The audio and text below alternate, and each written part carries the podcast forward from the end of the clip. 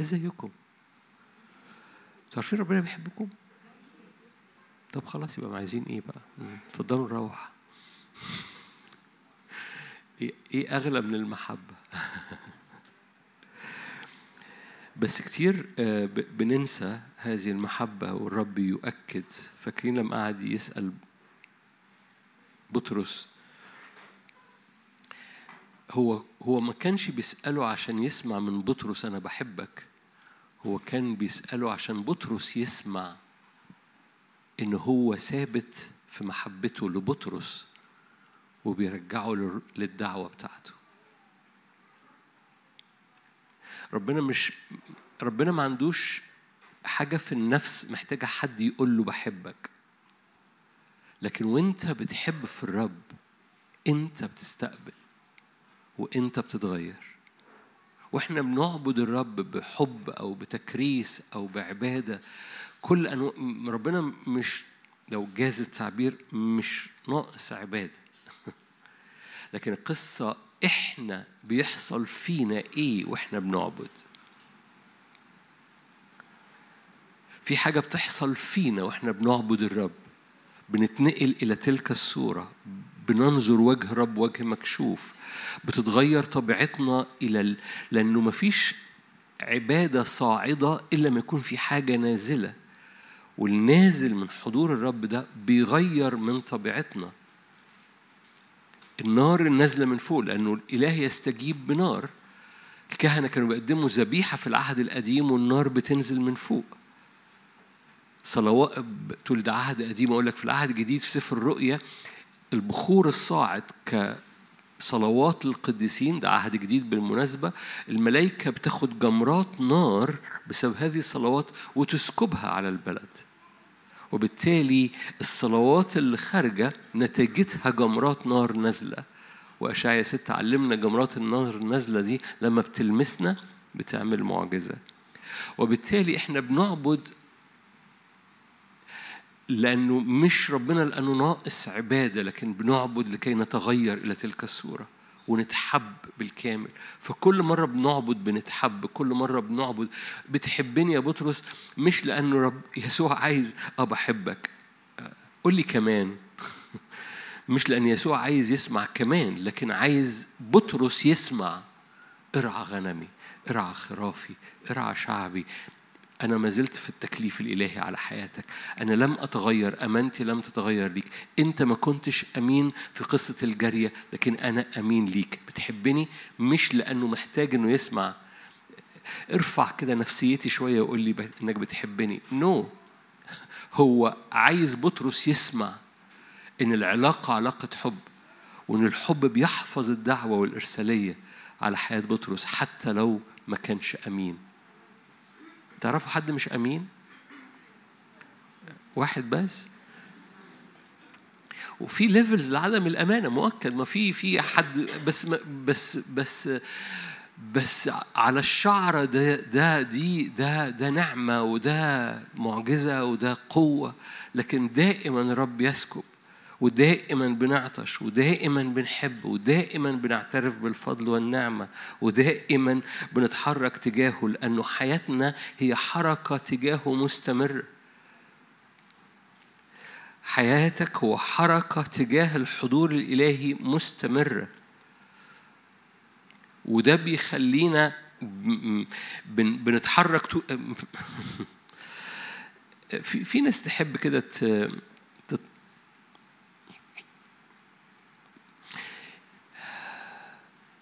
يعني إيه توبة؟ تغيير اتجاه من إنك تتحرك لأفكارك وتقوم مغير اتجاهك وتتحرك للرب. ولو حياتك عبارة عن حركة مستمرة تجاه العرش هي حياة مستمرة في غسيل نازل من عرش النعمة حياة مستمرة معتمدة عن نعمة حياة مستمرة من التوبة. لأن التوبة هي حركة مستمرة تجاه الرب.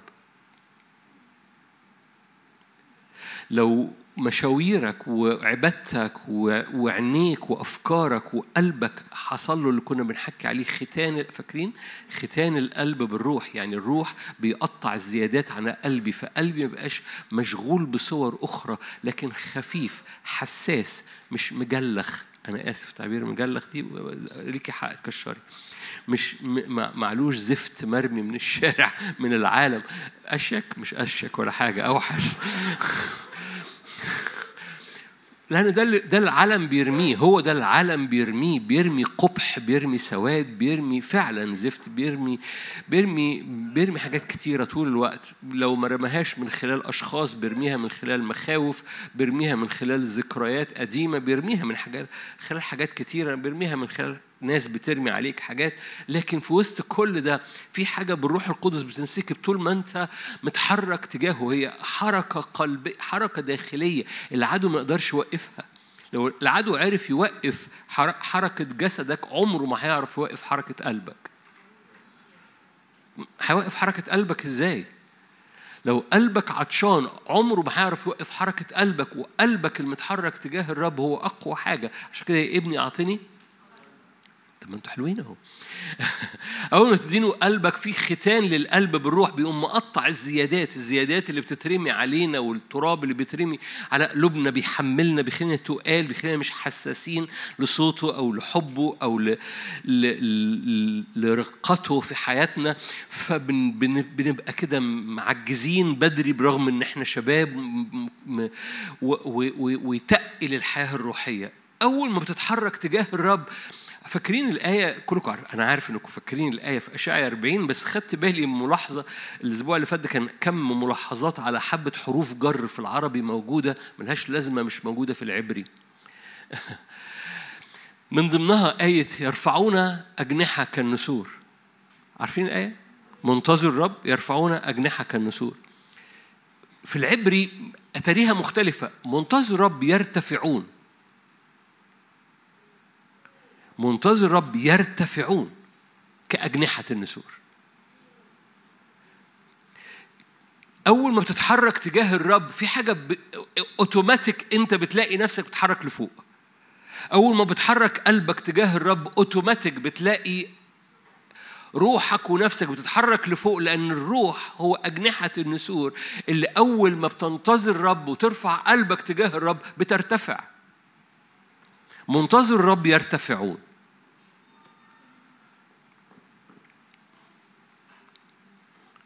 سلام.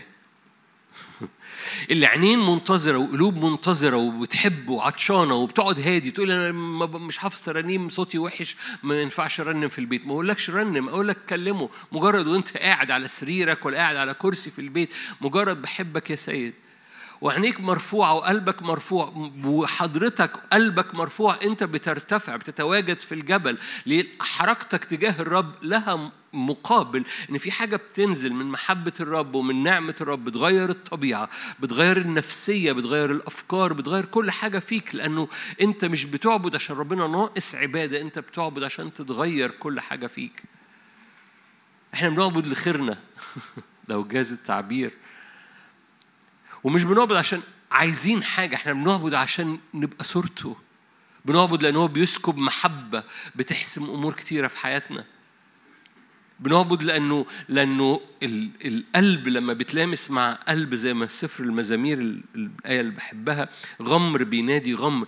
عند صوت شلالات ميازيب يعني شلالات يعني قلب بينادي قلب الرب. فقلب الرب يسكب شلالات لقلبك. أي أي حاجة بتلمس حاجة أي لمسة بتلمس قلبك هي بتغير حياتك. كنت بقول الجملة دي وإحنا بنصلي بس بس أي حاجة بتلمس قلبك بتغير حياتك الحقيقي بيفضل في حياتك والحقيقي بيغير حياتك كل حاجة لمست قلبك والروح القدس عنده القدرة إن يمد صوابعه وأنت بتعبد ويلمس قلبك وهنا التغير عشان الولادة الجديدة هي في, في القلب مش كده؟ لأن ما يصنعه الرب في قلبك بيبقى إلى الأبد. أي حاجة بتلمس قلبك بتغير حياتك. عشان كده القلب عليه حرب. عشان كده قلبك عليه حرب فوق كل تحفظ احفظ إيه؟ قلبك لأن منه مخارج الحياة. كل الحياة بتحرك على من قلبك ولقلبك فحياة الرب بتنسكب على قلبك ومن قلبك بتخرج مخارج الحياة. أنهار الروح من باطنك من قلبك من أعماقك. عشان كده في حرب على القلب. القلب متشتت القلب متحمل القلب مرمي القلب جواه حجارة. مثل الزارع. هو مثل القلب. ده يسوع قال لهم أنتوا فاهمين مثل الزارع؟ قالوا اشرح لنا. قال لهم قبل ما أشرح لكم أنتوا لو ما فهمتوش مثل الزارع مش هتفهموا ولا حاجة من اللي أنا بقوله. ده يسوع اللي قال ارجع ورايا في إنجيل مرقس. لو ما فهمتوش مثل الزارع مش هتفهموا. ليه؟ لأن هو القصة كلها قلب الحرب كلها على القلب. لما تأتي هموم واضطهادات لما يأتي حجارة وأشواك من القديم لما لما قلبك يبقى م... ف... أنا قلت زفت فاكرين زفت اللي هو الطريق الح... شفتوا طلعت كتابية الزفت الموضوع. لو قلبك كطريق تأتي طيور السماء وتخطف الحجارة لأنه كالطريق متسفلت. ففي حرب على القلب. عشان كده احفظ قلبك والرب لذيذ جدا. بيقول لك كل ما قلبك يعجز حط إيدك على قلبك وأنا أغير لك قلبك. أعمل لك زراعة قلب جديدة. قلوب الحجر حولها قلوب إيه؟ لحمية. لحمية مش بمعنى إنها لحم لكن لحمية بمعنى حساسة بتنبض بتحس. ليه؟ لأن روح الرب يختن قلوبنا من كل حاجات زيادات بتترمي على قلوبنا. رب يحب والمحبة لها علاقة بالقلب. عشان كده هو حريص إن حبك يفضل فريش وما يتحملش. وأول ما تلاقي نفسك انهكت واستنزفت ارجع للحب. فاكرين لما قالت إني مريضة حبا؟ فانعشوني باقراص أقراص الزبيب. ليه؟ لأن لأن المحبة أقوى المحبة منعشة. هو ده العسل النازل في البرية بتاع يوناثان. كلكم عارفين أنا بحب هذه القصة. هو ده العسل في في حاجتين ممكن تتعامل بيهم وانت في البرية. يا إما تتعامل بطريقة شاول اللي هي قوة جسدية يا إما تتعامل بطريقة يوناثان اللي هو قوة إيمان. شاول قال إيه؟ إحنا في البرية وحرب مرة جدا محدش ياكل لغاية ما الحرب دي ما تتحسن تقول لي طب كويس ده صوم ده حاجة كويسة. أقول لك آه الصوم حاجة كويسة. اوعى تفهم إن أنا ضد الصوم بالعكس. لكن لو الصوم هو من أجل قوة جسدية لإذلال نفسك no no no ده ما بيجيبش نتيجة. وبالتالي يقول لك كده في هذه القصة اعيا الشعب جدا. في المقابل يوناثان مش تحت هذا السقف من الناموس. مش تحت هذا السقف من قوة الجسد. فرأى عسل نازل في البرية. كل الناس معدية على العسل والعسل بينزل ومحدش بيمد إيده. ليه؟ لأنه في ناموس. يوناثان مش تحت الناموس فمد إيده وأكل فاستنارت عينيه وحصل نقلة وقام غالب و... و... يقول لك ضنك الشعب جدا.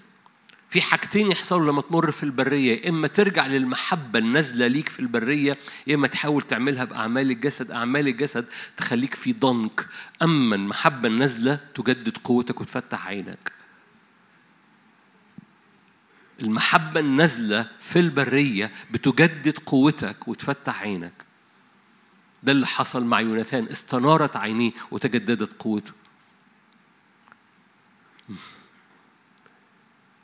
سلام. إحنا ممكن نقعد هنا. تذكر معلش أنا أنا أنا حكر تذكر وأنت في المحكات إنك أول حاجة تعملها تمد إيدك للمحبة النازلة. وأنت في المحكات في محبة نازلة بتتصور في المحكات لا لا لا لا مفيش محبة بقى. ده وقت عرق. حبيبي فاكرين ترتب لي مائدة؟ تجاه مضايقية كأسرية ده إيه ده في حرب وتجاه مضايقية ومش عارف إيه. رب يقول لك تعالى في ميدة. ميدة إيه يا رب؟ مش وقته مش مش وقت أكل. لا ده وقت أكل. لازم تأكل قبل الحرب. ترتب لي مائدة تجاه مضايقية. فكأسي ريا ايا كان التحدي ايا كان. أكيد الكلام ده لحد. ده مش في المشاركة بتاعت النهارده ده أنا دي إعلانات. ما تنساش في التحدي ما تنساش في البرية ما تنساش في المواجهة إن أول حاجة تعملها إنك تمد إيدك للعسل النازل. دائما في البرية في عسل من محبته نازل لحضرتك. هو ده المفتاح لانتصارك في المواجهة مش بقوتك مش بذراعك مش بفرسك لكن بالمحبة النازلة قوة غير عادية. يرتب لك مائدة تجاه مضايقيك. أمين. أنتوا كويسين. سفر دانيال دانيال خمسة. هللويا ملكوت الرب ملكوت قوة. دانيال خمسة. اجتماع السبت كلكم عارفين اجتماع يميل للعبادة والحديث عن العبادة عشان كده بنحكي عن الحركة تجاه الرب المستمرة اللي بتنزل محبة بتنزل نعمة بتنزل تغييرات لأن ملكوت الرب في حالة امتداد مستمر. هللويا. بلتشسر الملك صنع وليمة عظيمة لعظماء الألف شرب خمرا قدام الألف. إذ كان بلشسر يذوق الخمر أمر بإحضار آنية الذهب والفضة التي أخرجها نبوخذ نصر أبوه من الهيكل الذي في أورشليم. ليشرب بها الملك وعظماؤه وزوجاته وسراريه. حينئذ أحضروا آنية الذهب التي أخرجت من هيكل بيت الرب الذي في أورشليم وشرب بها الملك وعظماؤه وزوجاته وسراريه كانوا يشربون الخمر ويسبحون آلهة الذهب والفضة والنحاس والحديد والخشب والحجر. يعني يسبحوا كل آلهة موجودة في البلد. في تلك الساعة ظهرت أصابع يد إنسان. وكتبت بأذاء النبراس على مكلس حائط قصر الملك والملك ينظر طرف اليد الكاتبة. محدش فهم المكتوب بس واضح إن كان في حاجة بتحصل في الروح. حينئذ تغيرت هيئة الملك وأفزعته أفكاره وانحلت خرز حقويه واستقت ركبتاه. فصرخ الملك بشدة لإدخال السحرة والكلدانين والمنجمين. آية 8 عشان الوقت دخل كل حكماء الملك فلم يستطيعوا أن يقرأوا الكتابة ولا أن يعرفوا الملك بتفسيرها. الكتابة دي كان كتابة سمائية. أما الملكة فلسبب كلام الملك آية عشرة.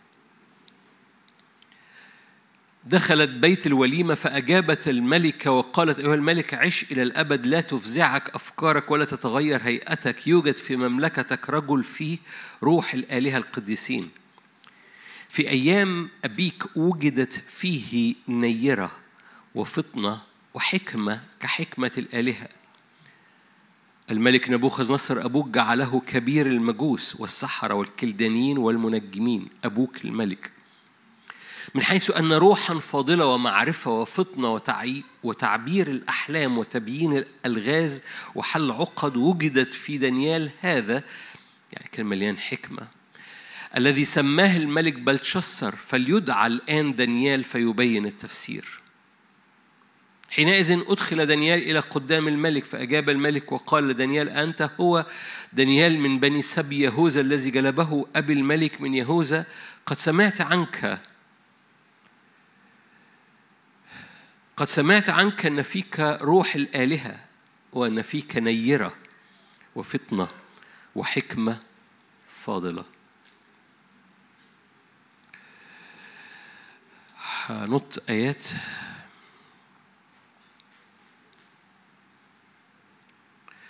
آية 22 أنت يا بلشسر ابنه كان بيتكلم عن أبوه في الآيات السابقة لم تضع قلبك يعني لم تتواضع مع أنك عرفت كل هذا كل اللي حصل مع نبوخذ نصر بل تعظمت على رب السماء فأحضره قدامك آنية بيته. بل نبوخذ نصر عمره ما عمل كده.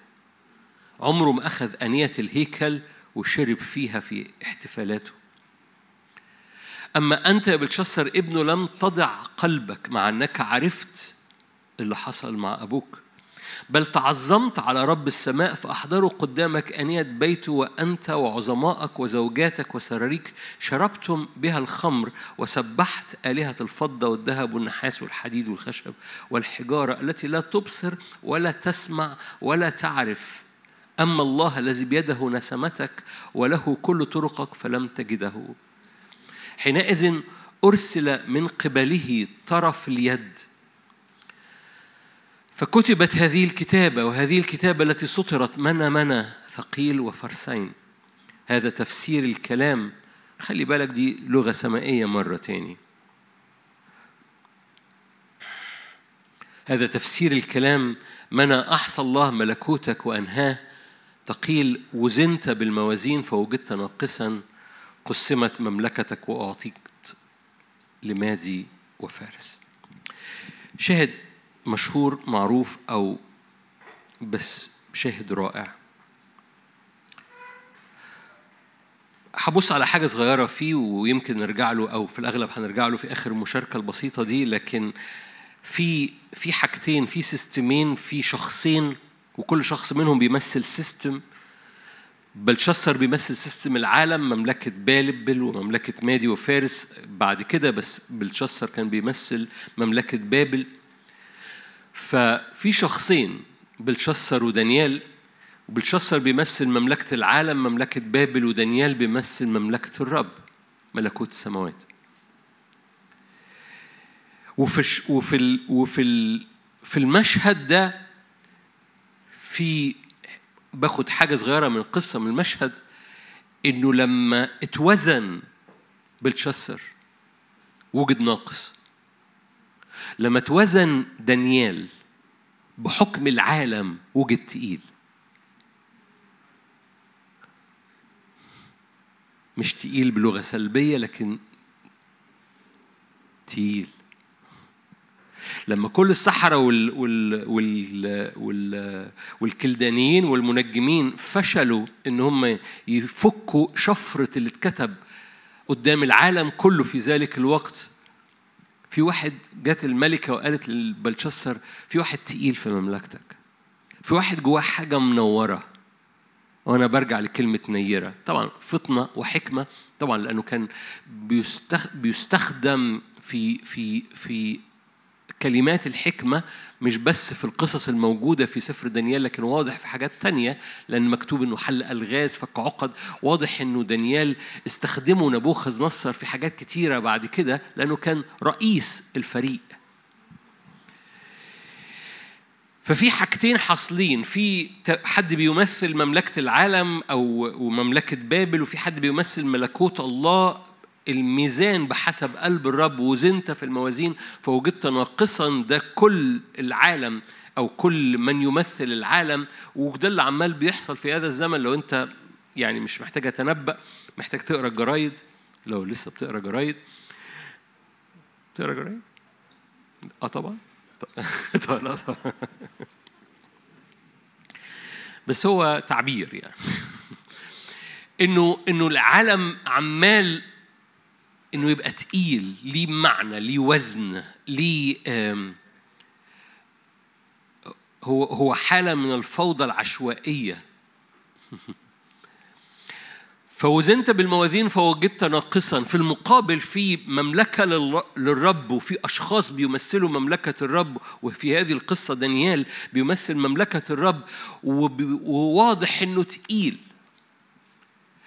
فخليني قبل ما أكمل في القصة وأكمل في الرسالة اللي جوايا محتاج إنك تدرك ببساطة إن ده مش وقت تتلخبط مع مع اللخبطة اللي حاصلة مع الفوضى اللي حاصلة مع مع مملكة بابل واللي بيحصل فيها. محتاج تدرك إن الرب عايز يوضع فيك ودائع تقيلة عشان لما توزن بالموازين ما تتحطش في مكيال نبوخذ نصر وبلشسر لكن تتحط في مكيال دانيال. دانيال مشهود عنه إنه تقيل. كان تقيل قالت له كده الملكة كان تقيل قوي أيام أبوك. فجيبه لأنه تقيل هيعرف يفك الشفرة يفك الكود. ليه؟ لأن محطوط جواه حاجة تقيلة. أنا برجع مرة تاني لكلمة نيرة لأن الكلمة مبهجة بالنسبة لي. مش بس عشان دي بنت شادي لكن لكن علشان الكلمة مبهجة بالنسبة لي. عارفين شادي؟ عارفين عنده بنت؟ عارفين اسمها إيه؟ اسمها نير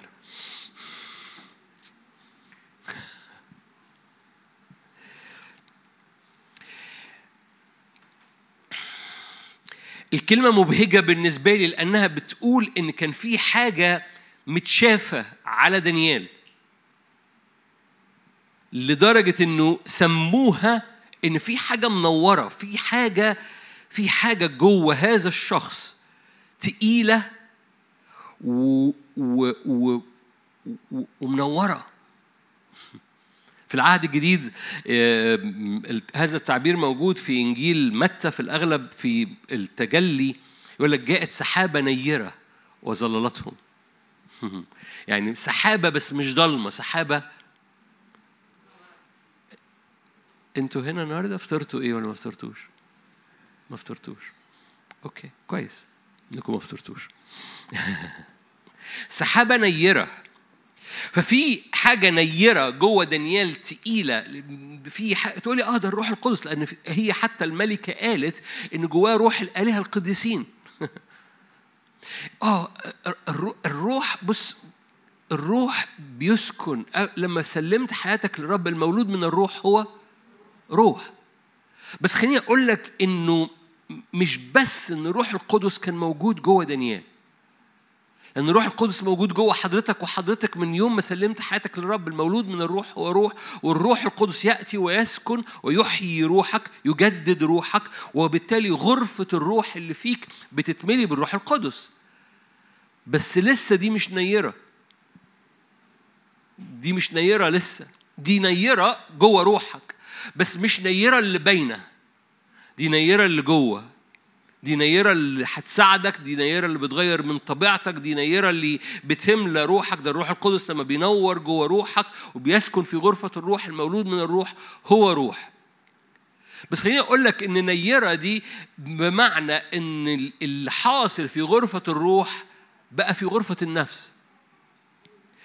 علشان اللي حاصل جوه الروح يخرج ويبان وينور ومرات بلتشسر تشوفه وباقي الكلدانيين والمش عارف إيه يشوفوه والمنجمين يشوفوه ويبان انه تقيل ونبوخذ نصر يرى ان دانيال ده تقيل. وبعد كده بلتشسر يبتدي يدرك ان دانيال ده تقيل ده مش اي حد ده جواه نيرة وفطنة وحكمة ومتشافة ليه؟ ده ده النفس ترجمت اللي حاصل في الروح وبقى خارج لبره ده النفس بقت تقيلة بالروح. ده مش خفيف. عارفين لما حد يقول لك فلان ده خفيف؟ ده مش خفيف ده تقيل. القصة مش بس إنه أوضة الروح بقى فيها الروح القدس، الروح القدس اللي ساكن فيك هو هو الرب الروح القدس. بس أوضة النفس أو أنتوا عارفين إحنا حكينا كذا مرة قبل كده في الشاهد ده بس خلينا نفتحه في سفر التكوين إصحاح اتنين أنتوا كويسين؟ أنا متشجع لمشاركة النهاردة لأني مدرك إن الرب عايز يطلقها مش بس في الحاضرين لكن في السامعين أيضا. تكوين اتنين كلكم عارفين هذا الشاهد تكوين اتنين آية سبعة جبل الرب الإله آدم مش كده؟ تراب من الأرض نفخ في أنفه نسمة حياة ده الروح بس الروح والتراب don't mix الروح والتراب ما بيعرفوش يكلموا بعض. فصار آدم نفسا. النفس دورها النفس دورها إنها تاخد ما في الروح وتترجمه عشان يخرج من الجسد. هو ده اللي مراد بلشسر شافته. هو ده اللي نبوخذ نصر شافه في دانيال. دانيال نفسه كانت مليانة وتقيلة ومترجمة اللي حاصل في الروح. فكان بيخرج بيبان من جسده فاللي كان بيرى دانيال كان بيرى نيرة. النيرة دي مش بس اللي حاصلة في روحه لكن مترجمة في نفسه مترجمة في عينيه في كلامه في وقفته في تصرفه في في القوة اللي خارجة منه. لما لما قال حلم نبوخذ نصر وفسر الحلم ده, ده المنجمين قالوا ما فيش حد ساكن في الأرض يعرف يعرف الحلم اللي أنت حلمته إلا الآلهة التي سكناهم ليست بين الناس. اللي أنت بتطلبه ده مش من هنا. فأخونا دانيال كان تقيل. ليه؟ اللي حاصل في الروح بيأتي بما في الروح. أنك أعلمتنا السرائر العمائق والأسرار دانيال قال كده فروحه بتستقبل بس نفسه بتترجم اللي بيحصل في الروح فالتقل اللي في الروح بيترجم لنور في النفس النفس منورة جواه نيرة. آه الرب يريد إن نفسك ونفسك وانفسنا تبقى مترجمة اللي حاصل في الروح لنور وحاجة تقيلة من دسم الرب لأن ده كان مرات بلشسر شايفاه نبوخذ نصر شايفه والمنجمين والكلدانيين شايفينه. دور النفس دور النفس. النفس مش موجودة عشان تتلخبط النفس مش موجودة عشان تخاف النفس مش موجودة عشان تبقى نفساني بلغة ما بعد السقوط. النفس مش موجودة علشان تسرح و... وت... وت... النفس مش موجودة عشان عشان تتعبك. النفس موجودة عشان تلضم مع تقل الروح مش تلضم مع تراب العالم. النفس مش موجودة عشان تلضم مع الناقص اللي في الموازين ناقص لكن تلضم مع اللي التقيل جدا اللي رب بيسكبه جوه روحك والنفس محتاجة تترجمه. خليني أرفع مستوى التحدي جواك. عايز أقول 100% عايز أقول 100% هقولها 100% ربنا هيسامحني. مية في المية من كل حد سمعني ابن للرب وبنت للرب. الرب ساكب جوه روحك حاجات انت لسه ما ادركتهاش. فروحك مليان حكمة ومليان مفاتيح ومليان أمور خلاقة ومليان حاجات لم تخطر على بالك. مستنية إن نفسك تلضم أكتر مع التقل اللي موجود جوه روحك بدل ما هي ملضومة أكتر مع مخاوفك وظروفك وأحداثك وأيامك ودي أيام وكل ما نفسك تلضم أكتر مع الروح كل ما نفسك تدرك ال function بتاعتها عارفين يعني إيه function؟ الوظيفة هي موجودة ليه؟ هي ليه في حاجة اسمها تصورات؟ ليه في حاجة اسمها أفكار؟ ليه في حاجة اسمها ذهن؟ آه الذهن ده عشان ذهني دماغي وجعاني عارف الذهن مش موجود عشان يتوجع. الذهن مش موجود عشان يسرح ويتشتت. الذهن والأفكار والتصورات والتخيلات والمشاعر مش موجودة علشان تلخبطك. الحقيقي هي موجودة عشان تترجم أسرار الروح اللي رب يودعها جواك وتكتشف وتتتبع الرب وتخش أكتر. وهو ده العبادة إن النفس بتتحرك ورا الرب بعبادة وبحب وباكتشاف لأسرار الله ذخائر الظلمة الموجودة جوه أعماق روحك وتترجمها إلى الواقع علشان تخرج من الجسد والنيرة تطلع لبره.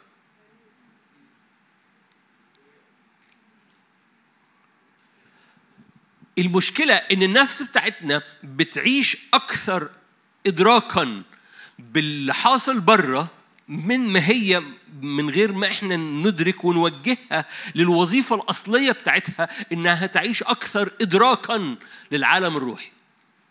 الموجود جواك اللي هو الروح القدس اللي ساكن في الروح بس الرب يريد إن النفس لأن النيرة كلنا جوانا الروح القدس كأبناء للرب بس إن الروح اللي موجود جوه الروح بتاعك يتحرك ويبقى نيرة خارجة ده ما لازم النفس.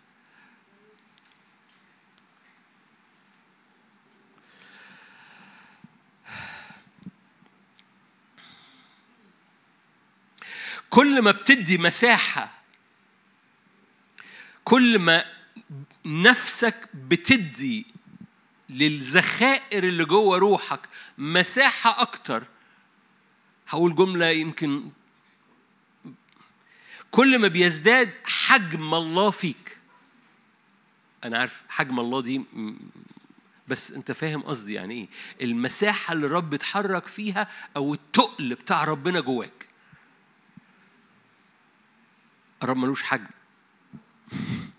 بس حجم الله فيك بمعنى هو تقل الرب اللي أنت سامحه يبقى موجود فيك.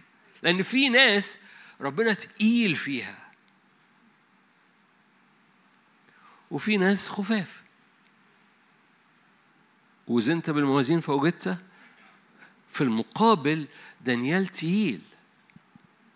دانيال تقيل لدرجة إنه نبوخذ نصر ومواجهات ومزبي وخصي. وعمال بينجح. يموت نبوخذ نصر ويأتي بلشسر ودانيال بينجح. تنتهي مملكة بابل تماما وتأتي مملكة مادي وفارس وهي أشرس من مملكة بابل ودانيال بينجح. ليه؟ دانيال تقيل تتقلب الدنيا تطلع الدنيا مش يعملوا إيه يشيلوا إيه يحطوا إيه دانيال تقيل. حد فاهم حاجة؟ بس دانيال تقيل مش عشان عشان بس يعني يعني جواه حبة روح قدس لا ده هو سامح للي حاصل جوه الروح إنه ياخد حجم في نفسه. بحسب المساحة اللي بتديها في نفسك. لعمل الروح القدس حجم الله فيك. أنا بربط ده بالعبادة. كتبت جملة كده. حجم الله داخل نفسك يعتمد على حجم العبادة داخل الهيكل بتاعك. عارفين أنتوا هيكل الله؟ فالروح القدس ساكن في قدس الأقداس بتاعتك بس قدس الأقداس ده مش بيخلي الهيكل بتاعك نير لسه. انت بقيت ابن الرب مولود من الروح والمولود من الروح هو روح فالرب ساكن في قدس الأقداس. بس مقاصد الرب إنه حجم الرب يزداد ويملأ القدس. القدس اللي هو آه ده المنارة وده خبز الوجوه فمليان شبع وبالتالي النفس تبتدي تتحرك في حواسها فبتبتدي تشبع تبتدي ترى تبتدي تشم ده مسبح البخور وهو ده القدس. فالنفس تبتدي تترجم اللي حاصل في قدس الأقداس اللي هو مليان ضباب و و و و ومليان سحاب على على على تابوت العهد تترجم ده في المنارة وفي خبز الوجوه في مسبح البخور. كل حواسها تتملي فبتشبع بت بتتملي زيت بتتملي النور بتتملي صور كل كل الحواس شغالة في القدس. حجم الله بيزداد فيك لما يزداد حجم العبادة في الهيكل بتاعك.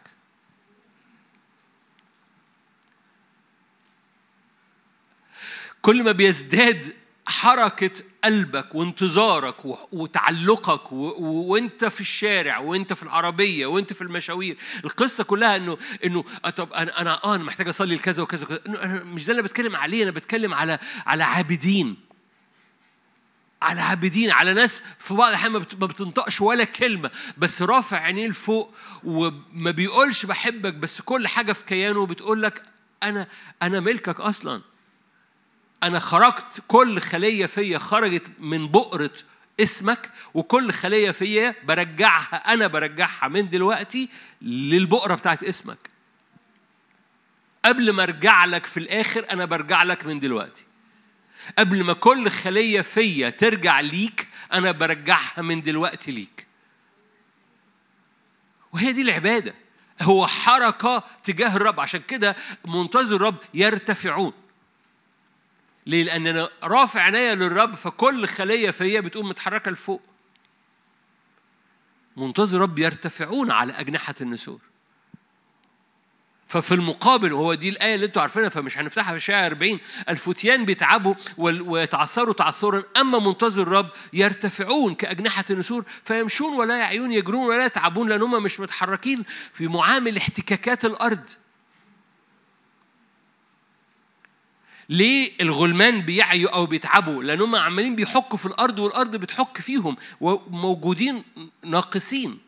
ليه؟ لأنه بالقوة الجسد شاول ما حدش ياكل لغاية لما نخلص الموضوع. في حاجة نازلة تانية مختلفة تماما تقيلة بتنسكب في الروح ومن الروح هي مقاصد رب إن نفسي تترجمها. أدي مساحة. حجم الله فيك معتمد على حجم العبادة جوه الهيكل بتاعك. أنتوا كويسين؟ حجم الله داخل نفسك يحتمل على حجم العبادة داخل هيكلك. رسالة أفسس آية بحبها جدا. وهنرجع لدانيال تاني. رسالة أفسس. آية كلكم عارفينها.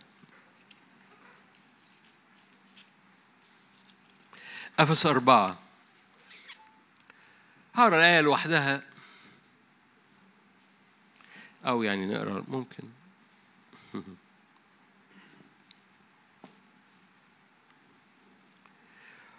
نقرأ آية 22 أو آية 20 أما أنتم فلم تتعلموا المسيح هكذا.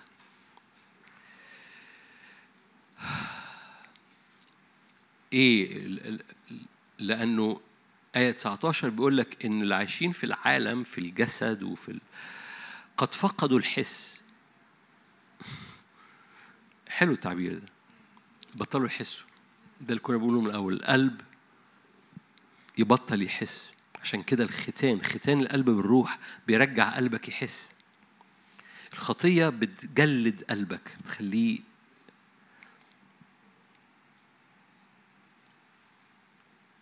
هرجع لحبة آيات قبل 19 بس مش دلوقتي. فقدوا الحس.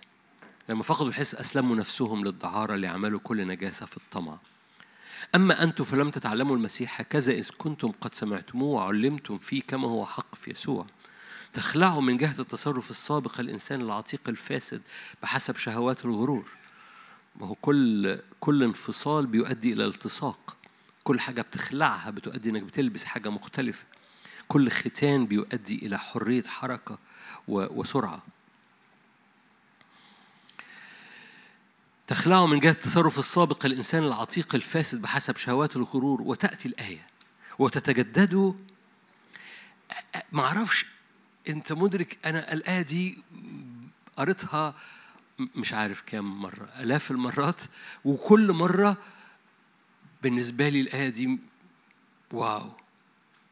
لأنه لو أنت مركز في العربي الكلمتين دول غير تتجددوا يعني. الكلمتين اللي بعد كلمة تتجددوا دول بالعربي عكس بعض.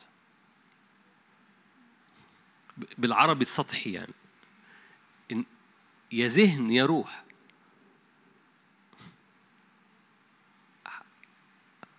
حد بيفهم عربي هنا؟ ما هو يا ذهن. ذهن يعني إيه؟ سلطانية. يا ذهن. بس أنا أنا أنا السؤال ده تريك قوي. هو هو الذهن مش السلطانية قوي بس يعني يا ذهن. يا شخص ذهني يا شخص روحي. إن الروح القدس يقوم مجمع الكلمتين مع بعض بالنسبة لي في الجون. تتجددوا بروح ذهنكم. الذهن مش الدماغ بالمناسبة الذهن هو هو السايكي هو هو هو هو التركيبة الداخلية بتاعت نفسك. لأن الذهن عبارة عن صور مش بس أفكار. هو صور وأفكار بتقوم محددة حالتك الكل على بعضك. فالذهن هي الحالة الداخلية بتاعت نفسك. فيقول لك إنه أنت بتخلع القديم ختان القلب بالروح ده اللي حكينا فيه علشان في حاجة بتحصل تنور. فاكرين نيره حاجة بتحصل تنور في الحالة الذهنية بتاعت نفسك. تتجد روح ذهنك ينور. روح ذهنك ينور.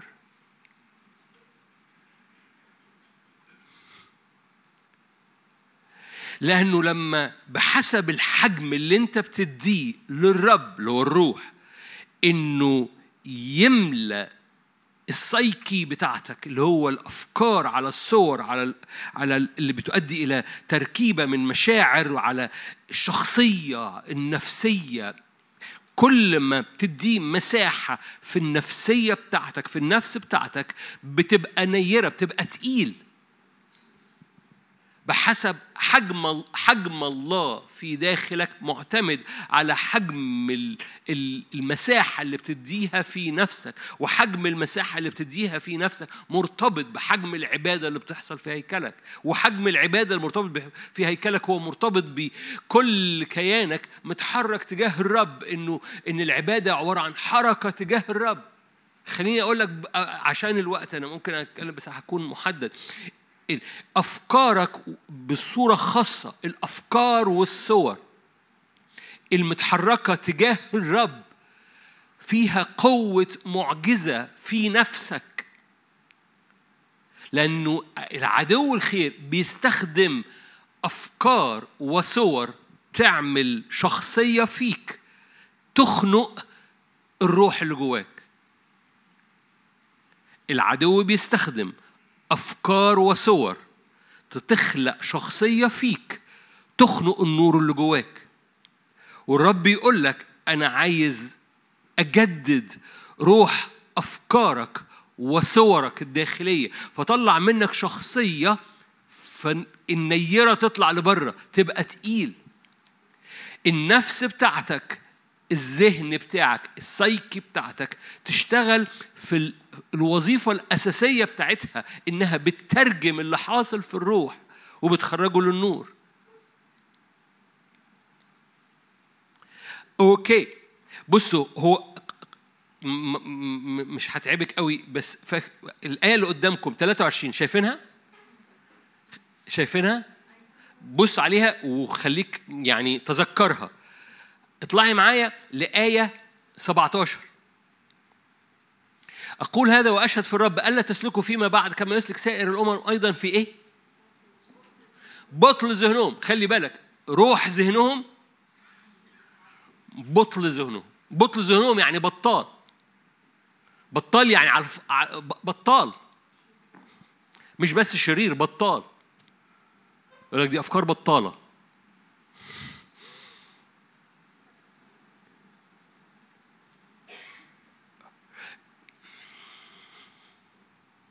إذ هم مظلموا الآية وراها إذ هم إيه؟ مظلموا الفكر. ما هو بص الذهن السايكي يبقى بطال إزاي؟ يبقى خفيف إزاي؟ وزنت في الموازين فوجدت ناقصا. ليه؟ أهو أهي أفكار وهي صور جوايا. أنت عارف إن ذهنك بيفكر بصور. فالأفكار والصور دول بيمشوا مع بعض والأفكار والصور لما يا إما بيشتغلوا في الضلمة أو بالبطل يا إما بيشتغلوا في في تجدد روح الذهن. في تجدد الأفكار والصور فلما الأفكار والصور تغيروا في البطل ذهنك بيضلم مظلمه الفكر. بطل ذهنهم بيؤدي اللي جاي من مظلمه الفكر. اللي منورين الفكر في حاجة مختلفة. هنبص حالا يعني. خليني اخدك في حاجة صغيرة. مش هاخدك قوي يعني بس رمية 12 آية كلكم حافظينها. أنتوا كويسين؟ أوكي. رمية 12 آية كلكم حافظينها. أطلب أول كل شيء أيها الإخوة. أطلب سوري دي آية تيموساوس. أطلب إليكم أيها الإخوة برأفة الله أن تقدموا أجسادكم ذبيحة حية مقدسة مرضية عند الله عبادتكم العقلية. أطلب إليكم أيها الإخوة برأفة الله. تقدموا. ده اللي عمال بحكي من الأول. دي العبادة الحركة تجاه الرب. دي مش اجتماع مش بي مش بيدعوهم لاجتماع ده بيقول لك حياتك كده. بتقدم جسدك. ذبيحة حية مقدسة مرضية عند الله. عبادة واعية. عبادة مكتوبة عقلية لأن الكلمة ما عرفوش يترجموها بالعربي. هي عبادة منورة. عبادة تقيلة. عبادة ليه ليه ليه استعملوا كلمة عقلية؟ لأن الكتاب الكلمة بتحمل بعد إن عينيك مفتحة وذهنك شايف مصحصح. فعبادة واعية. أنا بحب أترجمها عبادة واعية أكتر لأن القصة مش فقدم جسدك بوعي. فاكرين لما قلت كل خلية جاية منك كل خلية راجعة ليك؟ اهي قدموا أجسادكم. ذبيحة. فحتى لو مش بتنطق حاجة أنت بتحرك كل خلية فيك تجاهه. إيه اللي إيه اللي بيخليك تعمل كده؟ إن ذهنك عبادتك واعية. روح ذهنك شايف المشهد. أنا كل خلية خرجت منك أنا كل خلية برجعها ليك. فمش لازم أتكلم. طبعا رائع إنك تتكلم. كنا يوم الأربعاء بحكي إن في قوة لخنق الصوت. مهم جدا إنك تطلع صوت بس أنا بحكي على العبادة الديب العبادة اللي هي اللي هو كل الكيان من غير ما ترنم بس كل حاجة فيك بتصرخ. آه بالاب كل حاجة فيك بتصرخ. كل كياني ليك. فالعبادة الخارجة دي عبادة بتصنع معجزة بتخليك بحسب الحجم العبادة اللي في الهيكل بتاعك حجم اللي الرب بياخده جوه نفسك وحجم الرب اللي بياخده جوه نفسك هو حجم السحابة النيرة اللي بتظهر على حياتك. بتبقى تقيل.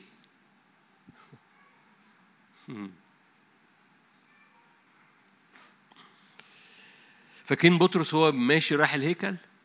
كان تقيل. فالظل كان بيشفي. لأن بطرس تقيل.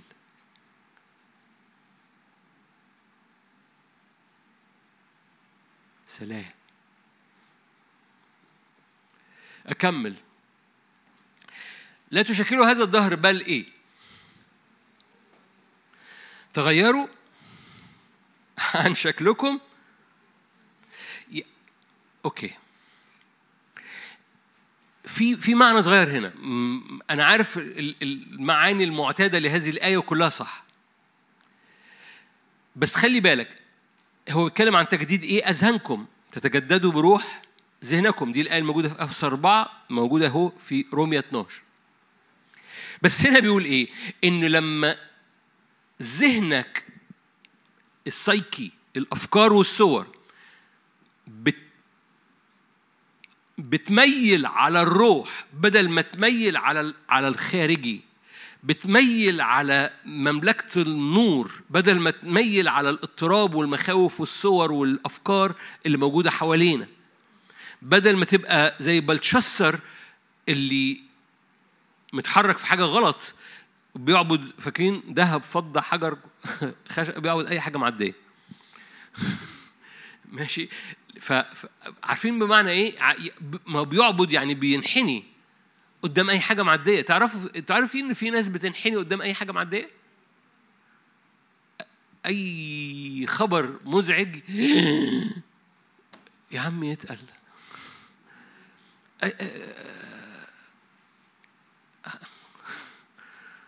في بعض الاحيان أخبار ملهاش دعوة بيك. مثلا ما ما عيالك كلهم بقى في الجامعة وبعد كده تعرف إن. ال... ال... ال... المدارس غليت. طب أنت مالك؟ أنا بقابل اشخاص كده. بأمانة في شخصية مش موجودة النهارده. في شخصية كنت قاعد معاها زعلان جدا من حاجة طب الحاجة دي ليها علاقة بيك؟ لا بس, بس شايف. إيه طب نعمل إيه طيب يعني؟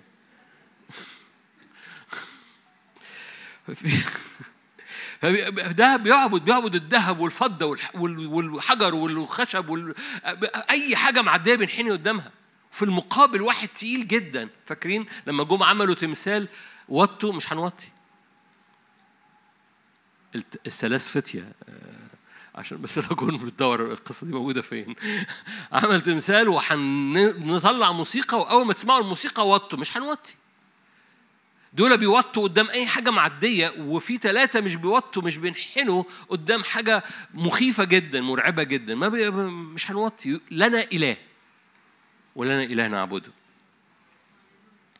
فيا إما الصور السايكي السايكي بتاعنا مميل على العالم ومميل أي حاجة بتخوفنا وننحني قدامها يا إما مميل وبتشتغل في الفانكشن بتاعها في الوظيفة الأساسية بتاعتها إنها تميل على الروح وتستقبل وهي بتعبد أسرار و... وإعلان وتغير في الطبيعة وجمرات نارية. فتتملي والنفس دي تبقى تقيلة مليانة من حاجات تقيلة ثابتة فالنفس دي تبقى تقيلة ويشهد عنها من مرات بلشسر في واحد عندك تقيل جواه روح الآلهة القديسين جواه نيرة. جواه حاجة منيره تقيل. فتجديد الذهن هنا تجديد ذهنكم بس تجديد ذهنكم أدى إلى يعني أدى إلى تغيير في الشكل.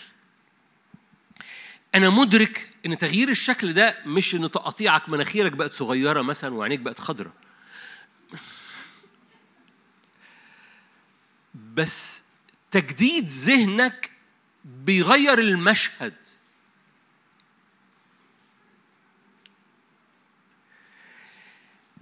صورك الداخلية وأفكارك عندها قدرة قدرة إنها تنعكس على العيان بتاعك وتخلق ما في الروح بدل ما تجسد ما في الأرض.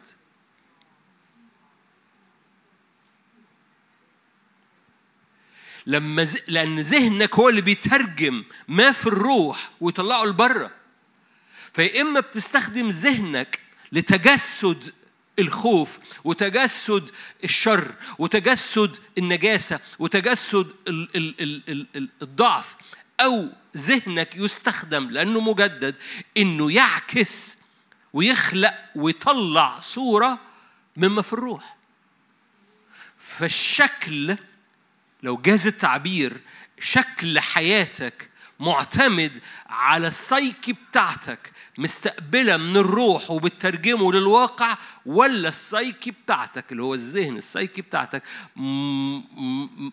بتترجم اللي في العالم.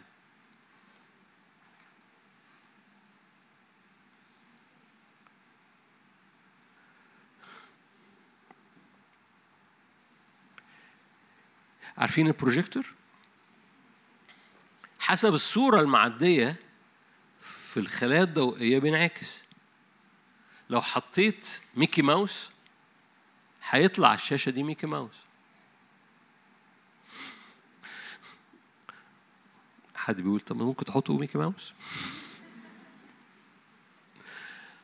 لو حطيت آية بيطلع الشاشة آية.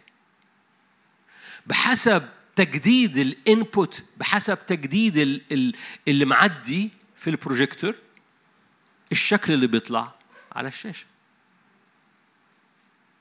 لو جاز التعبير لو هو مش مش بالظبط كده بس لو جاز التعبير نفسك يا إما بيعدي فيها معلومات من من الروح بتملى أفكارك وصورك ونفسك فبينعكس هو ده تجديد الذهن.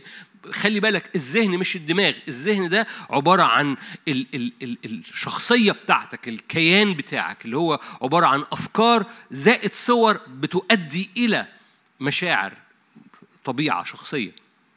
فإما هذا الذهن أو الحالة الذهنية بتاعتك مليانة صور وأفكار جاية من من الروح من العبادة من الحضور وده اللي مالي صورك وأفكارك. أنا هحول إلى صور وأفكار لأن أنا عايز أحولها عملي. إيه الصور والأفكار اللي بتتملي عليه بيها أول ما بتصحى من النوم؟ إيه الصور والأفكار اللي بتتملي بيها وأنت سايق العربية؟ إيه الصور والأفكار اللي بتتملي بيها وأنت بتتغدى الظهريه إيه الصور والأفكار اللي بتتملي بيها وأنت نايم على سريرك بالليل؟ تقول لي دماغي بتودي وتجيب. أقول لك ده اسمه بطل ذهنكم. باطل.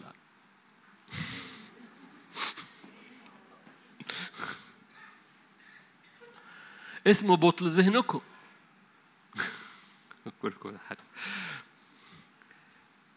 هو ده ليه؟ لأنه بدماغه بتودي وتجيب. القصة إنه عشان كده مستأثرين كل فكر. إلى طاعة المسيح.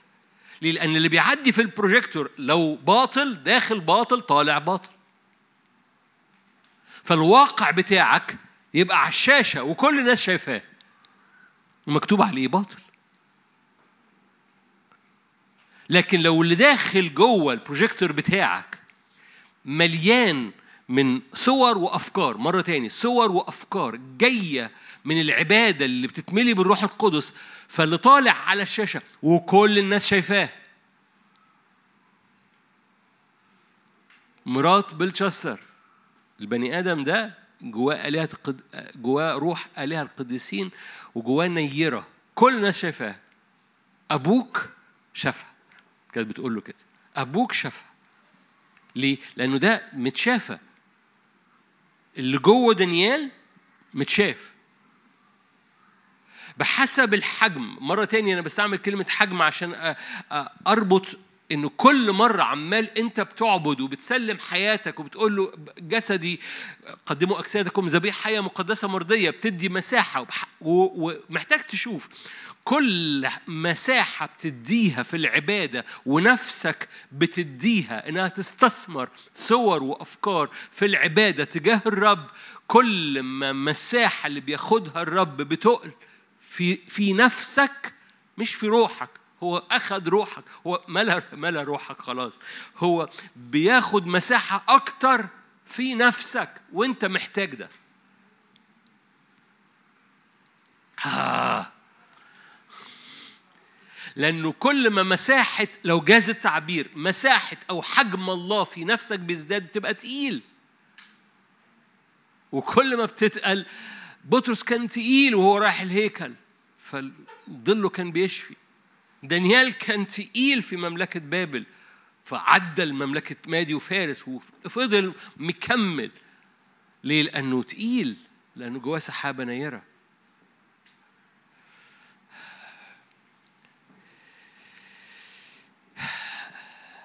كروس ثانية أربعة. آه لازم أختم. كروس ثانية أربعة. إيه مشاركة النهاردة؟ ربنا عايز ياخد حجم أكتر جوه نفسك. المفتاح أعبد. وأنت بتعبد املى أفكارك وذهنك ورب عايز يقدس ويجدد روح ذهنك. أفكار وصور. أفكار وصور. عشان كده الحق مهم قوي لأنه بيجدد ذهنك. الحق مش عشان بركة الحق بيجدد ذهنك. قراية في الكلمة بتجدد ذهنك. تعالوا نفتح آية طب تانية. معلش. أفسس واحد. أفسس واحد. أفسس واحد. يقول إيه؟ مستنير عيون أذهانكم. أفسس واحد 18 مستنيرة عيون أذهانكم. يكونش دي النيرة؟ يكونش دي السحابة النيرة؟ إن عينين أز... أذهاننا ليها عينين؟ آه آه آه في عينين وأدي دماغي أهو. no no no بيتكلم عن عن الذهن مش بيتكلم عن عن مخك بتكلم عن ذهنك. ذهنك عبارة عن صور وأفكار عشان كده مستنيرة عيون. ده صور. أذهانكم لتعرفوا ما تعلموا ما هو رجاء الدعوة ما غنى مجد ميراثه في القديسين. فالحق بيملى السايكي بتاعتك الشخصية بتاعتك. فالحق بيقوم مجدد روح ذهنك والصور عيون العينين دي بتشوف والصور بتجدد روح ذهنك. مرة تاني الصور والأفكار مهمة جدا. أنت طول الوقت بتفكر أفكار وجواك صور. ادي الاثنين دول إنه ياخدوا يستثمروا أكتر تجاه الروح بعبادة وبحق بدل ما يستثمروا تجاه باطل. باطل يعني حاجة ملهاش معنى مش بتكلم عن الشر طبعا لو لو بتستثمروا في شر أو في نجاسة أو في يبقى فالظلام كم يكون. الدنيا تبقى كحل. لكن لو لو حتى إنك تستثمرهم في في مخاوف باطل. نرجع لكورنثوس مرة تانية عشان نختم. كورنثوس تانية أربعة كلكم عارفين. ونحن غير ناظرين أربعة 18 ونحن غير ناظرين إلى الأشياء التي ما هو مهم جدا انت شايف إيه. ونحن غير ناظرين نفسك شايفة إيه.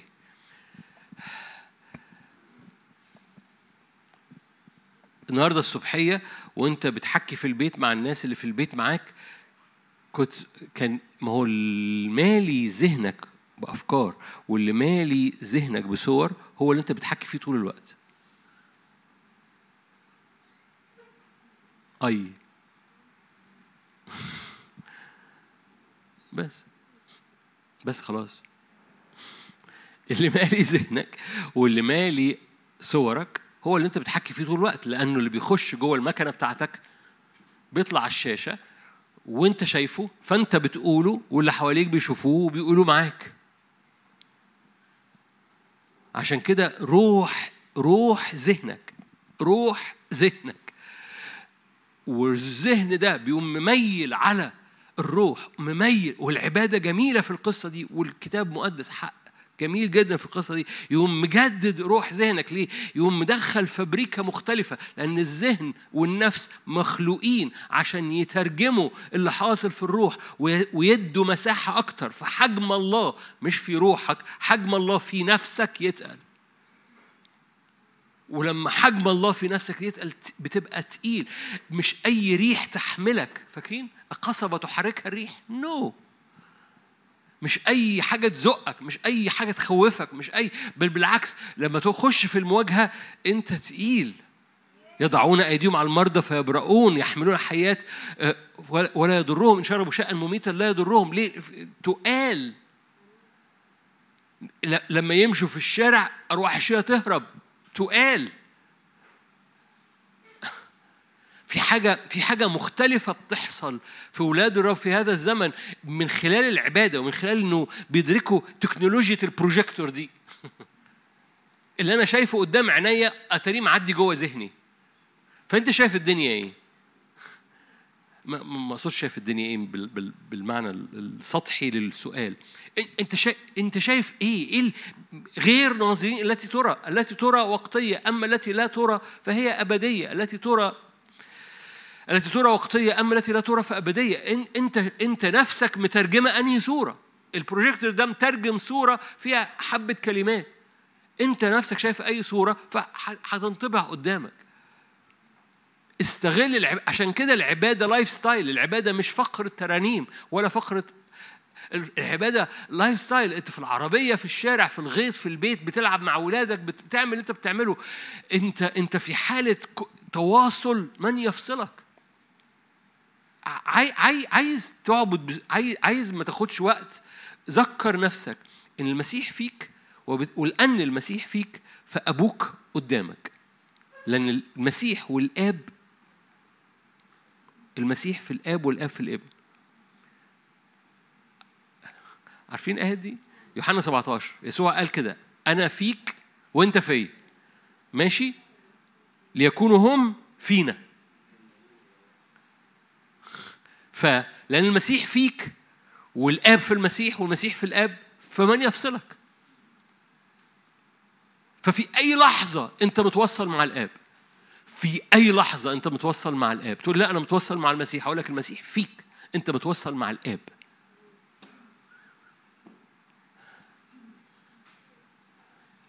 من يفصلنا عن إيه؟ عن المسيح ولا من يفصلنا عن محبة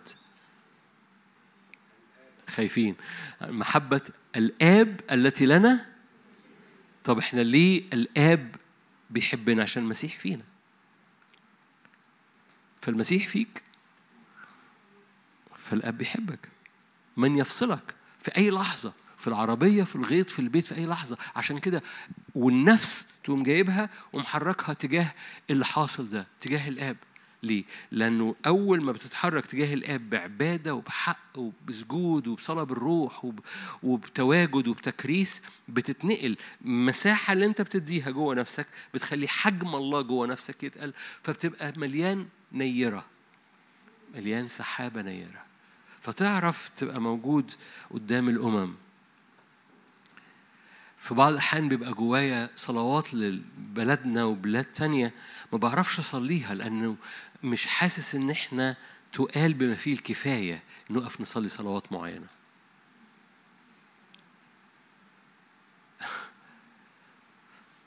ببقى شاعر أو مدرك إن إحنا مش تقال كفاية.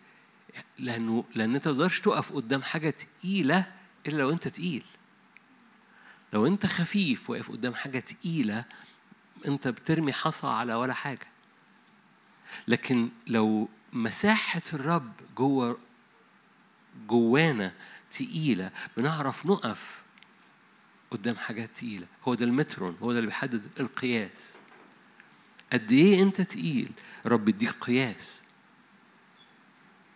وكل ما المساحة حجم الله في نفسك بيزداد كل ما قياسك بيزداد. يعني جوايا صلاة من أجل الرئيس ورئيس الوزراء كتير. مهمة جدا في الموسم ده مع نهاية السنة. مهمة جدا الشهر ده. محتاجين ندرك إنه ما هي مش مش صلاه بتتقال وكده. هو نو no, نو no. لازم يبقى في حاجة تقيلة جوه أرواحنا مليانة نور سحابة نيرة فيخرج مننا صلاة تقيلة تصنع تأثير. فالعدو اللي بيعمل مؤامرة. أنتوا عارفين أنتوا عارفين ان حركة الصحراء عمالة بتزداد في العالم كله. في ومش مش في الأغلب مش هتقل يعني مش بتنبأ بس عارفين إنه الكنيسة لازم تبقى والرب والرب يريد أن يعني أنا كنت بصلي كده النهارده الصبحية قلت له أشكرك لأن في حروب زيادة لأنك أنت وعدت إنه مش هنخش في حرب إلا ما تسكب نعمة. فحتى وأنا مش واخد بالي النعمة بتزداد عليا عشان الحرب تقيل. فاهم حاجة؟ يعني لأنك لأن هو أمين. هو أمين لا لا تمر بتجربة إلا ما يسكب نعمة ليها. فلما لما المحكات تبقى عالية ليها علاقة بالأمم وليها علاقة بالصحراء أنت بتسكن في المسيح اللي بيضحك. ليه؟ لأنه بيسكب نعمة أعلى من الحرب اللي بتترمي عليك. بس تتواجد في النعمة. هنا قصة. في دور علينا. طالما كده يبقى مالناش دور. لا دي دور. بتعب وتتواجد في النعمة. أمين؟ فأنا عايز أشجعك كل ما تزداد حجم الله في داخلك وحجم المساحة اللي تداله في نفسك هتجرؤ إنك فاكرين أخونا يشوع جابها من فين؟ آه، كنت عايز أختم. يشوع شاف جواه ما هو يا شمس دوم يا قمر دوم. إيه يا عمي؟ ده موسى سيدك؟ أشكرك. موسى سيدك ما عملهاش ما جرؤش يقولها. يعني موسى. عارف يعني إيه موسى؟ أنت لو تعرف أي حد من الشعب اليهودي تعرف يعني إيه موسى بالنسبة لهم ده أنت تعرف يعني إيه موسى؟ ده ده موسى بجلالة قدره مع ده والكتاب المقدس يقول لك كده في يشوع 10 يقول لك لم يكن يوم مثل هذا ما قبله وما بعده سمع فيه الرب صوت إنسان. واو! يشوع لضم في حتة نفسه. بقت تقيلة لضمت في حتة بقى شايف ومليان إدراك عينيه شايفة وذهنه مليان. يا شمس دومي يا قمر دوم حتى يثبت الرب الانتصار اللي بيحصل. فوقفت الشمس ودام القمر. إيه الطعامة دي؟ لأنه لأنه في حد البروجيكتور بتاعه طلع. روح ذهنه نورت لحاجة قوة اللي هو الزمان الآتي. هو أول ما لضمت كده لضمت بره فوقفت. الشمس يا شمس تقيل. ما فيش حد خفيف بيوقف الشمس والقمر. فيش حد خفيف ظله بيشفي. فيش حد خفيف بي بي بيترجم منا منا بيترجم الكلام الروحي اللي اتكتب على الحيطة بقضاء على بلشسر لكن في ناس جواها سحابة نيرة لأنه إدوا مساحة لحجم إلهي تقيل فيهم في النفس بتاعتهم. أمين؟ خلونا نصلي مع بعض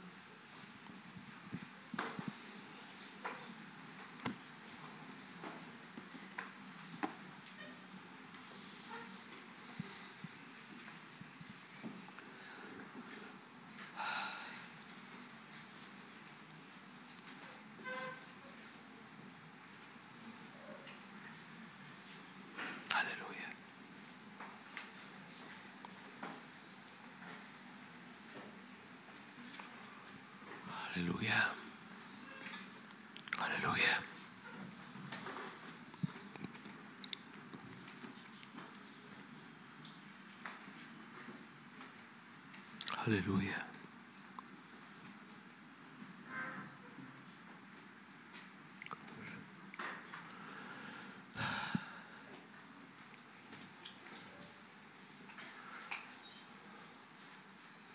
طوبى للشعب الرب إلهه. ليه؟ مش بس لأنه بيحميهم مش بس لأنه لكن لأنهم لما بيعبدوه بيتغيروا. لما بيعبدوه بيبقوا شبهه.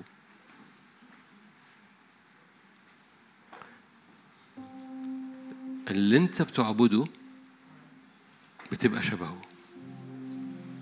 لو شفته ولو أفكارك اتجددت بيه بتبقى شبهه. مشابهين صورة ابنه.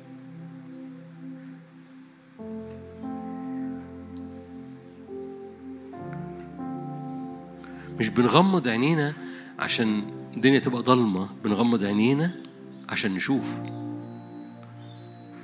مش بنغمض عينينا علشان نسبح في الظلام في السواد. بنغمض عينينا عشان نرى وجه الآب. في ناس ما بتغمضش عينيها. المهم مغمض أو مش مغمض عينيك شايفة إيه؟ إيه اللي مالي المشهد؟ إيه اللي مالي الصور؟ إيه اللي مالي الأفكار؟ إيه الاستثمار اللي نفسك بتستثمر فيه؟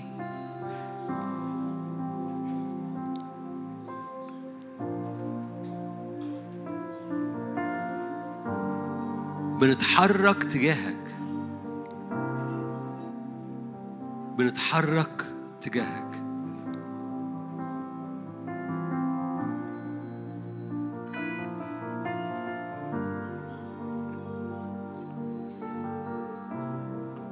كل خلية فينا بتتحرك تجاهك.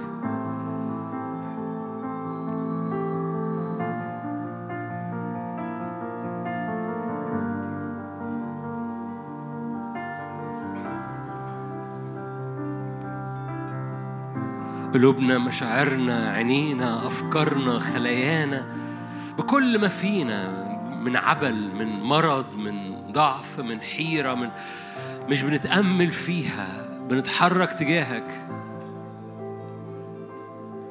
كل خلية فيا خرجت منك وراجعة ليك.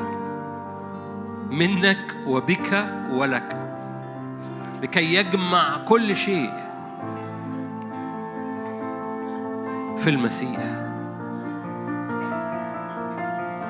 مقالي مرجعيتي. وطني هو أنت.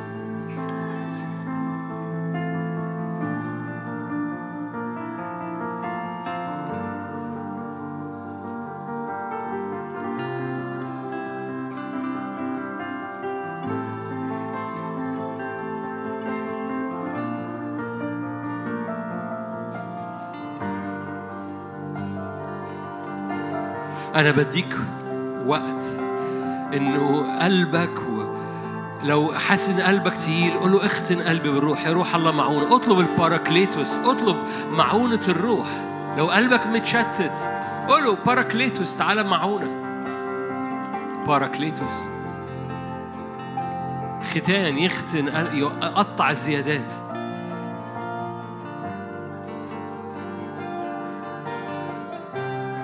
أنا بدي مساحة لحضرتك إنه أي زيادات أي هم أي حجارة خد طريقك. قول له حكي معاه من فضلك حكي معاه. اعمل دوش اعمل اعمل حديث حكي معاه. ما تغمضش عينك وتسبح في الفضاء حكي معاه. وبص ليه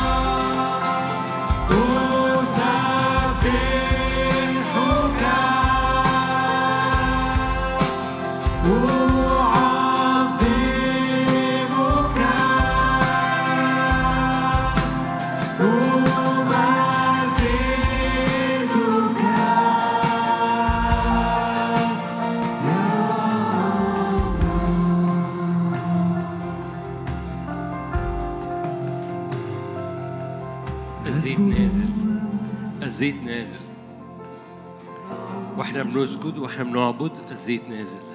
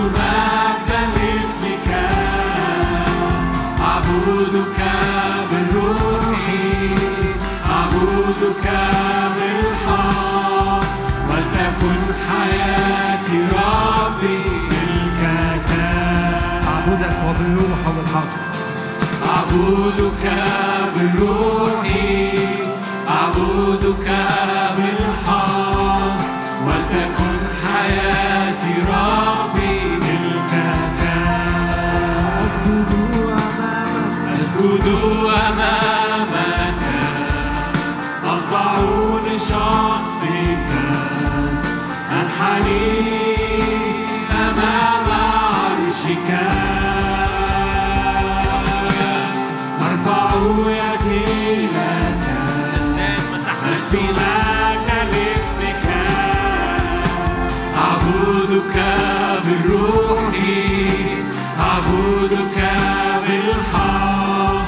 ولتكن حياتي راحة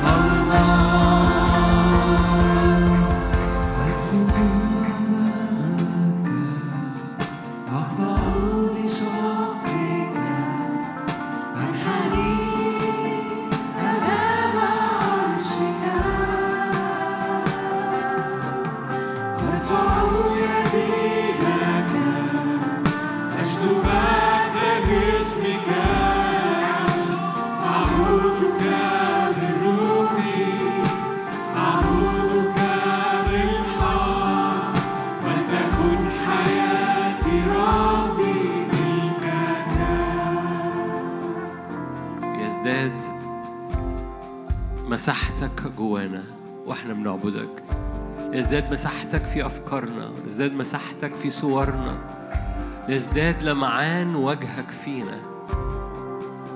لتزداد مساحتك جوه مشاعرنا.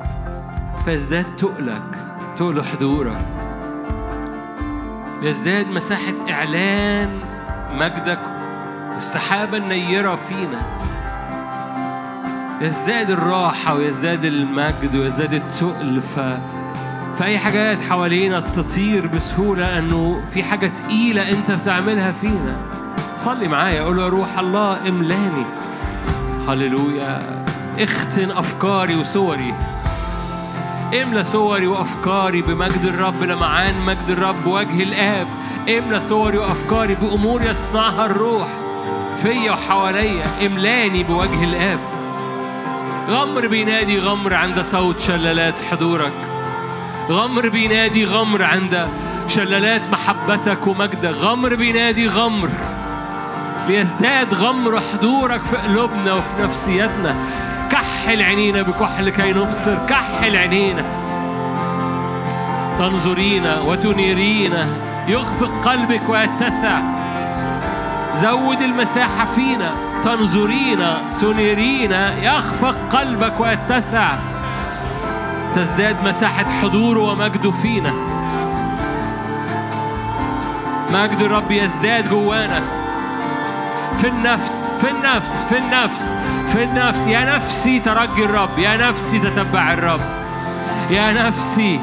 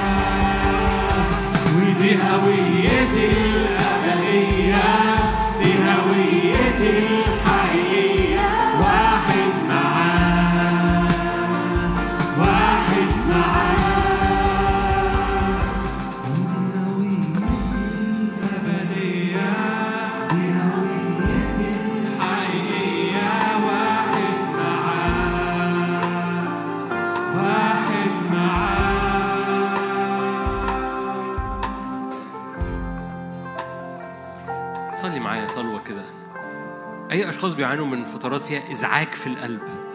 ارفع إيدك معايا. أي نفسية بيحصل لها هجمات إنزعاج. باسم يسوع. كل عيافة وعرافة بتترمي على قلبي. صلي معايا. كل عيافة وعرافة بتترمي على قلبي. أنا بربطها الآن. كل أرواح شر تصنع إزعاج في القلب. كل حاجات إبليس برميها على القلوب بإنزعاج. كل انزعاجات قلبية بنربطها الآن بدم الرب يسوع. نحرقها الآن بدم الرب يسوع. كل عيافة وعرافة بتترمي على القلوب وعلى الأفكار. باسم كل قوة نفسانية أرضية شيطانية مرسلة من أرواح شر. أربطها الآن ونحرقها باسم الرب يسوع. كل روح إزعاج للقلب وتشتيت للقلب يربط الآن باسم يا روح الله قدس قلوبنا. يا روح الله املأ قلوبنا واحرق كل هللويا. احرق كل صوابع عدو الخير. نعلن هيبة الرب وسلطان الرب وسيادة الرب على قلوبنا باسم الرب يسوع. يا روح الله يا روح الله يا روح الله يا روح الله باسم الرب يسوع. تعالى احرق الآن كل سواد تعالى احرق الآن كل اختن قلوبنا بالروح. أي زيادات في القلب أي أحمال في القلب أي أثقال في القلب احرق الآن باسم الرب يسوع. هللويا باسم الرب يسوع. لا لا, لا مفيش حاجة تصيب قلبك. فوق كل تحفظ احفظ قلبك باسم الرب يقدس قلبك يحفظ قلبك. يحامي عن قلبك باسم الرب يسوع. هللويا. لا تدنو ضربة من خيمتك. لا يرمي سهم في قلبك.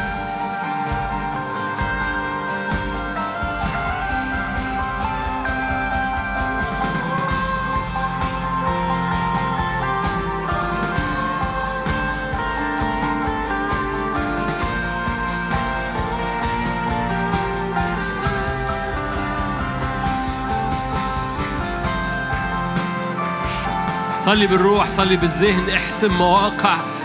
ادرك إن قلبك موقعة. امتلك قلبك امتلك امتلك الصور وأفكار قلبك. مستنيرة عيون قلوبكم عيون أذهانكم. امتلك موقعة القلب.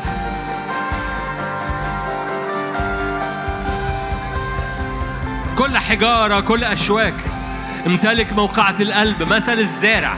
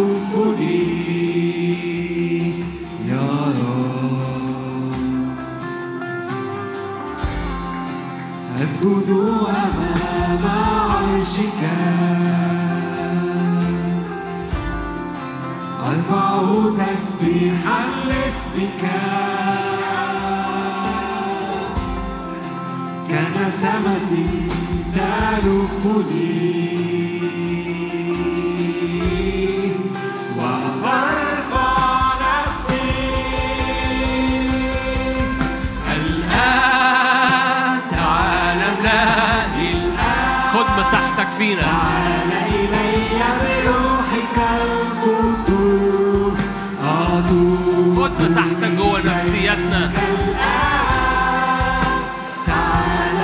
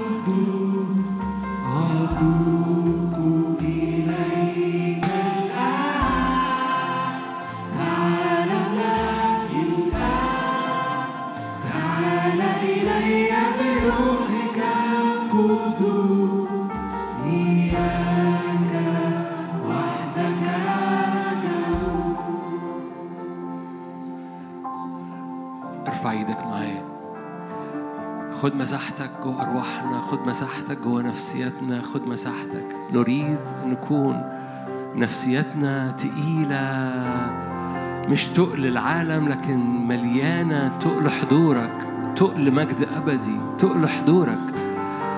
أفكارنا ومشاهدنا وعينينا ونفسيتنا مليانة من مجد حضورك.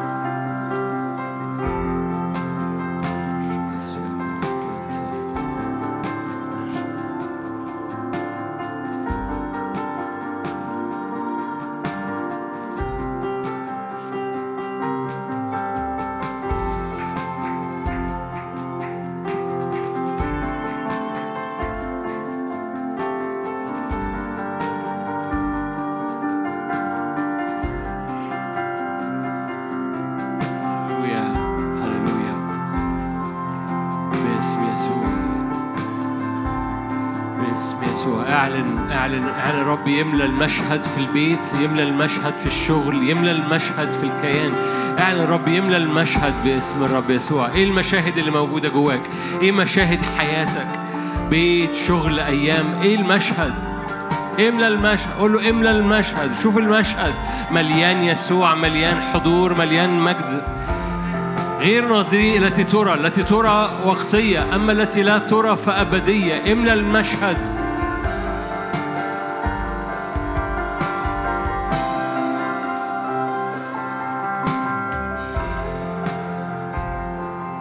املى المشهد من وجه الآب. هللويا.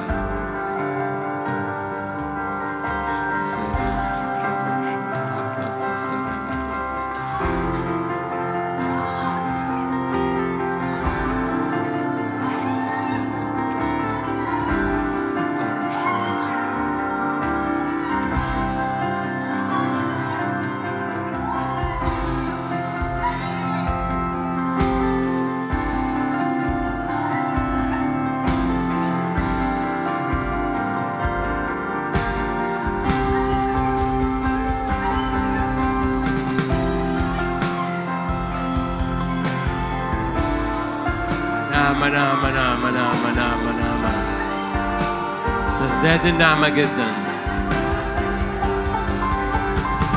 كل اللي بيعدي فيك بيطلع على الشاشة فاملى اللي بيعدي فيك مليان مجد وبهاء مليان المدينة وأسوارها. تأملوا قصورها عدوا أبراجها. مدينة العلي مدينة الرب العلي.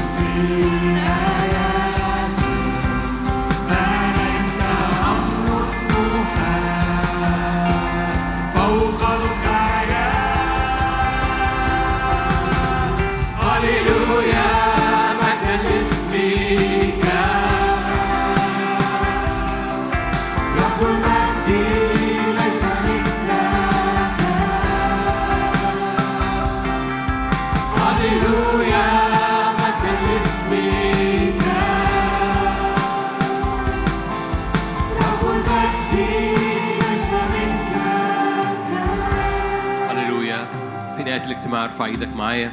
كل ما بيزداد مساحة مساحة تقل المجد في نفسيتنا كل ما بتزداد الآيات والعجائب فينا.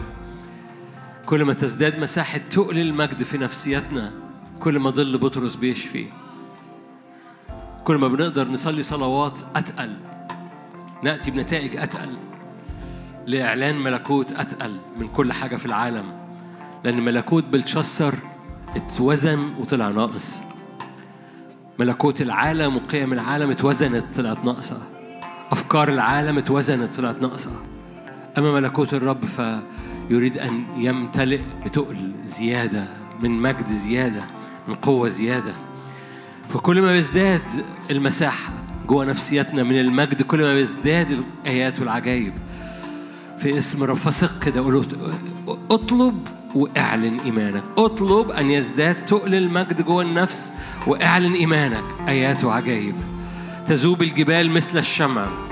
نعم تذوب الجبال الواقفه قدامك مثل الشمع. المخاوف تذوب. الحيرة في أمور تمشي ولا مش هتمشي. خلي الرب يتحرك قدامك وهو يحملك ويسير بيك. في قلب الرجل أفكار كثيرة لكن من قبل الرب تتثبت خطوات الإنسان فيا روح الله اتحرك قدامنا باسم الرب يسوع.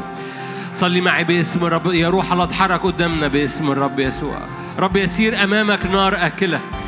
رب يصنع آيات وعجائب اللي أنت خايف منه. يجعل في البرية طريق في الحتة اللي أنت مش عارف تمشي فيها. هتحط رجلك فين بعد كده؟ يجعل لك طريقاً. الطريق المقدسة لا, لا مش هتتعثر فيها. حتى الجهال لا يضلوا حتى الأسئلة الغير مجاب عليها لن تضل. نعمة نعمة نعمة نعمة عينينا مثبتة عليك يا رب. عينينا مثبتة على مجدك. ليزداد الإعلان جوه نفسيتنا لتزداد الصور وال وال والحق جوه أذهاننا. كحل عينينا بكحل جديد وإبصار جديد. صلي معايا باسم الرب يسوع. يزداد الحق. يزداد الحق باسم الرب يزداد الحق والنور باسم الرب يسوع. أرواح الشر تتحرق من راسها لرجليها باسم الرب يسوع. مكتوب كده لا تدع ساحرة تعيش. كل حق كل أسحار وكل تشويش كل أمور عدو بيبخها باسم الرب يسوع. على الصور وعلى ذهنك وعلى قلبك تتحرق الآن بنار روح القدس. لأن تقل مجد الرب الرب نار آكلة الرب إلهنا نار آكلة. باسم الرب يسوع. مجد الرب يملى مجد الرب يملى مجد الرب يملى مجد الرب يقدس رجليك ويقدس مشاويرك وأفكارك وعينيك. باسم الرب يسوع. حتى الجهال لا يضلوا طريق مقدسة. طريق أتقل أعلى مليانة مجد باسم الرب يسوع.